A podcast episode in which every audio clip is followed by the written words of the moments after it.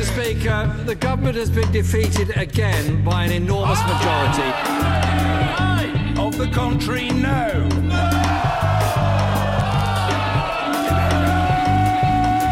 Order. Order. Du lytter til Brexit-bonanza i opplysningen 99,3 på Radio Nova. I brexit-forhandlingene snakkes det mye om Nord-Irland og Irland-grensen. Hvorfor er akkurat denne grensen så viktig? Dette skal du få høre mer om nå i et innslag laget av Anna Lea Poppe Thorseth. Eh, Og her er det brukt illustrasjonslyder.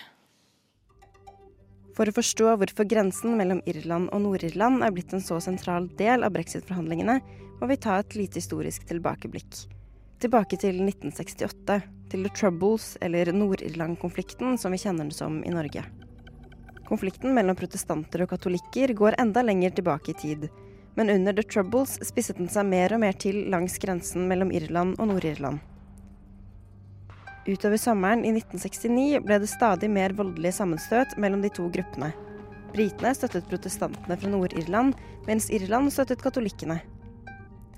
Konflikten resulterte i en 30 år lang borgerkrig som endte i Belfast-avtalen, som bl.a. førte til at Nord-Irland ble en demokratisk stat.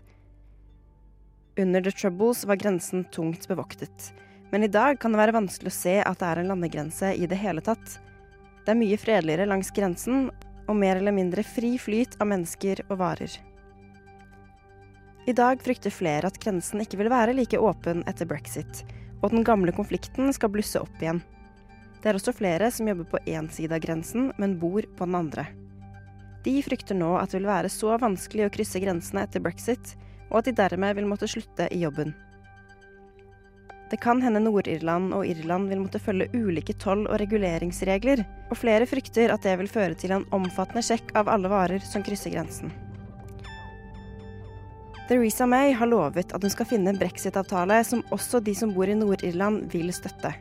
Om hun får til dette, gjenstår å se.